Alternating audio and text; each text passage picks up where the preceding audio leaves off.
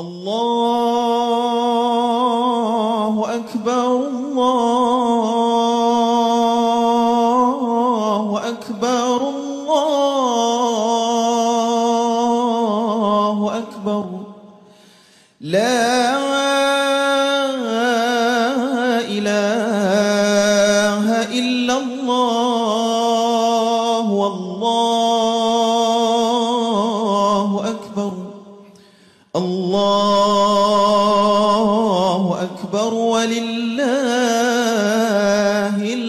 الحمد Taqabbalallahu minna wa minkum ja'alanallahu minal aidin wal faizin. Semoga Allah menerima amalan-amalan yang telah kita kerjakan dan semoga Allah menjadikan kita termasuk orang-orang yang kembali kepada fitrah dan orang-orang yang mendapatkan kemenangan. Selamat Hari Raya Idul Fitri teman-teman. Segenap tim podcast Cerita Sejarah Islam mengucapkan mohon maaf lahir dan batin. Idul Fitri merupakan salah satu hari raya besar bagi umat Islam. Di episode ini, yuk kita simak bagaimana memaknai Idul Fitri sebagai hari kemenangan setelah sebelumnya menjalankan kewajiban berpuasa.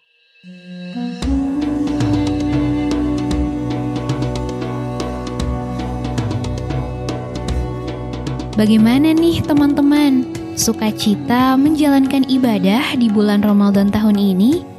Semoga teman-teman tetap semangat ya dengan berbagai kondisi yang sedang dihadapi. Yang mungkin saja dari teman-teman ada yang merasakan Ramadan kali ini banyak perbedaan dari tahun-tahun sebelumnya. Dari kehilangan orang yang dikasihi ataupun hal lainnya. Semoga Allah selalu memberikan kekuatan kepada kita ya. Teman-teman, pada bulan Ramadan, Allah melatih kita agar menjadi insan yang bertakwa dengan mengumpulkan bekal amal soleh sebanyak mungkin. Tentunya, tujuannya agar kita siap kembali kepada Allah. Siapnya kita kembali kepada Allah inilah yang juga merupakan makna Id dari kata Idul Fitri. Sebetulnya, Id sendiri memiliki beragam interpretasi dari pemaknaannya. Ada yang memaknai kembali kepada kesucian, kembali kepada persatuan dan kesatuan, kembali kepada asal sesuatu, dan ada juga kembali kepada fitrah manusia untuk beribadah kepadanya. Namun, dari semua itu, sejatinya Idul Fitri diharapkan akan memunculkan rasa kebahagiaan dan kegembiraan baik di dunia maupun di akhirat. Maka, Hari Raya Idul Fitri ini sudah selayaknya menjadi hari sukacita bagi kita. Sedangkan, kata fitri secara bahasa berakar kata dari lafaz iftar, yang artinya makan pagi, sarapan, atau memberi makan buka puasa.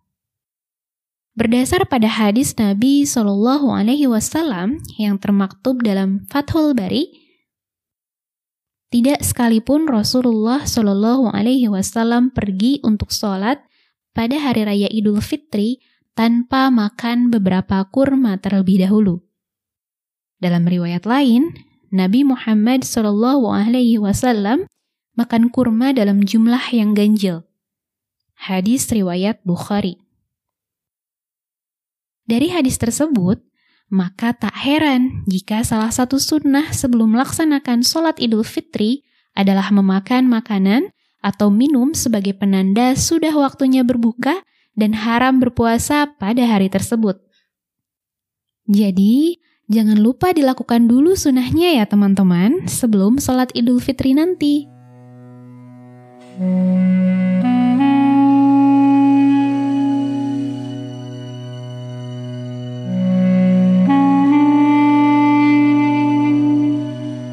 itu, ada juga yang memaknai fitri kerap kali disebadankan dengan kata fitrah, di mana kata fitrah ini memiliki dua makna.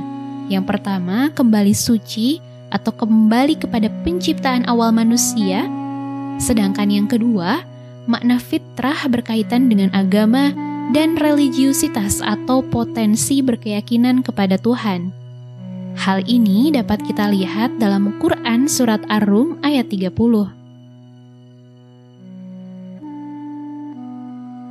Maka hadapkanlah wajahmu dengan lurus kepada agama Islam, sesuai fitrah Allah disebabkan dia telah menciptakan manusia menurut fitrah itu. Tidak ada perubahan pada ciptaan Allah, itulah agama yang lurus, tetapi kebanyakan manusia tidak mengetahui. Dalam ayat tersebut, kata fitri yang bermakna al-fitrah menunjukkan kita sebagai manusia telah memiliki naluri Islam dan kita terikat dengan perjanjiannya. Naluri janji taat tersebut bahkan sudah ada sejak kita terlahir di dunia. Perjanjian kita dengan Sang Maha Pencipta sudah pernah kami ulik di episode ke-30 ya. Idul Fitri bukan hanya sebatas selebrasi, karena sudah melewati ibadah puasa selama sebulan. Akan tetapi, Idul Fitri harusnya menjadi momentum untuk kembali kepada makna tauhid, serta mengesakannya kembali sesuai fitrah manusia.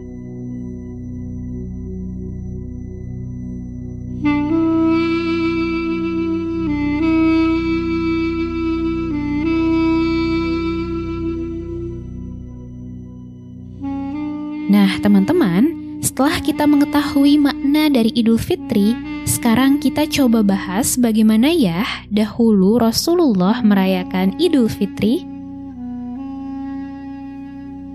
Rasulullah merayakan Idul Fitri pertama kali pada tahun kedua Hijriah atau tahun 624 Masehi. Dalam beberapa riwayat, terdapat beberapa sunnah yang dapat kita tiru untuk menyambut dan merayakan Idul Fitri. Yang pertama, membaca takbir pada malam terakhir Ramadan hingga pagi hari satu Syawal. Kedua, memakai pakaian terbaik. Pada hari raya Idul Fitri, Rasulullah mandi kemudian memakai wangi-wangian dan mengenakan pakaian terbaik yang dimilikinya. Ketiga, makan sebelum melaksanakan sholat Idul Fitri. Rasulullah mencontohkan dengan makan kurma sebanyak bilangan ganjil. Keempat, Nabi melaksanakan sholat Idul Fitri. Kelima, Rasulullah mendatangi tempat keramaian. Suatu hari ketika Idul Fitri, Rasulullah menemani Aisyah mendatangi sebuah pertunjukan atraksi tombak dan tameng. Dan yang terakhir, mengunjungi rumah para sahabatnya dan saling mendoakan satu sama lain.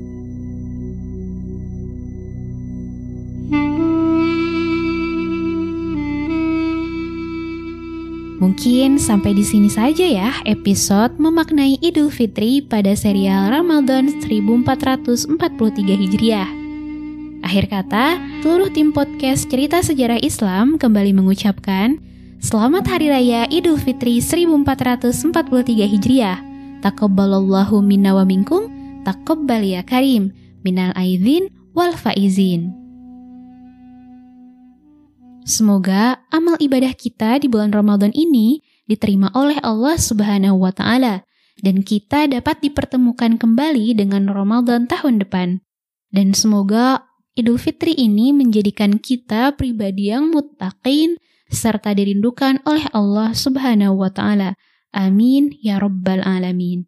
Saya Irin pamit undur diri. Wassalamualaikum warahmatullahi wabarakatuh. Allahu الله أكبر